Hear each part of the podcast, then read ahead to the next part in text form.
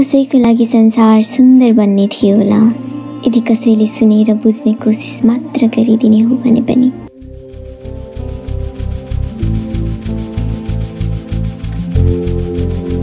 लेखक तथा प्राध्यापक लियो बुस्खालिया जसलाई चाहिँ हामी डाक्टर लभ भनेर पनि चिन्ने गर्छौँ उनका अनुसार उनलाई एकपटक एक प्रतियोगिताको निर्णायक बनाइयो। सो प्रतियोगिताको उद्देश्य थियो सबैभन्दा मायालु बच्चाको खोज गर्नु।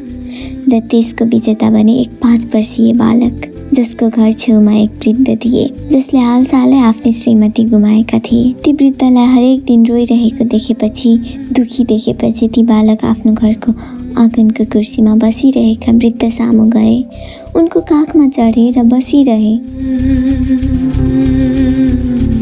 बेलुका घरमा बालककी आमाले सोधिन् छिमेकी बाला के भन्यो त? जवाफमा बालकले भने केही पनि भनेन उहाँको काखमा बसे र रुन मद्दत गरे। कति सरल छ केही पनि भनिन। उहाँको काखमा बसे र रुन मद्दत गरे। तर जति सरल छ उति नै गाह्रो छ कसैको कुरा सुन्न कसैलाई बुझ्न र केही नभन्न। अक्सर हामी के गर्छौँ यदि कोही रोइरहेको छ भने दुःखी छ भने त्यो स्याडनेस त्यो ग्रिफलाई चाहिँ दबाउन खोज्छौँ। के भनेर दबाउन खोज्छौँ? यसो गर्नुहुन्न उसो गर्नुहुन्न रुनुहुन्न। हामी अनेकौँ एडभाइसहरू दिन खोज्छौँ सजेसन्सहरू दिन खोज्छौँ। म त भन्छु दिने हो भने मायालो हात दिनुहोस् न। मायाले भरिएको अङ्गालो दिनुहोस् न। र बस सुनिदिनुहोस् न उसका आँसुहरू बुझ्न पर्दैन। आँसुहरूलाई बग्न दिनुहोस् न। कोही पनि मान्छे मनबाट खुसी हुन सक्दैन यदि उसको दुःख उसको स्याडनेस ग्रिफहरू चाहिँ मनमा दबिएको छ भने किनकि त्यो इमोसन हो।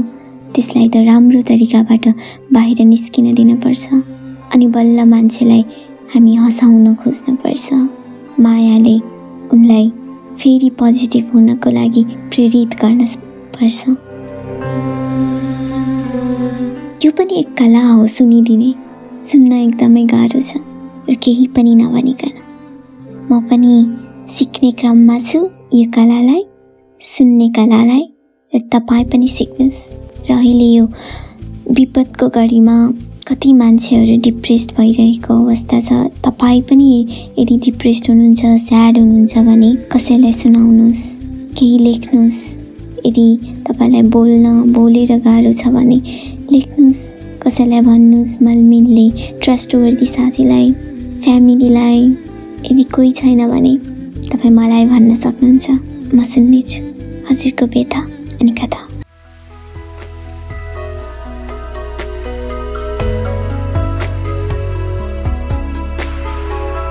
नमस्ते म स्वरूपा स्वतन्त्रता सुनेर साथ दिनुभयो। धेरै धेरै धन्यवाद। र सोलफुल टक विथ स्वरूपा सुन्दै गर्नुहोला। नेक्स्ट एपिसोड पनि चाँडै नै ल्याउने कोसिस गर्नेछु। तबसम्म Stay safe. Take care. Love to live, live to love.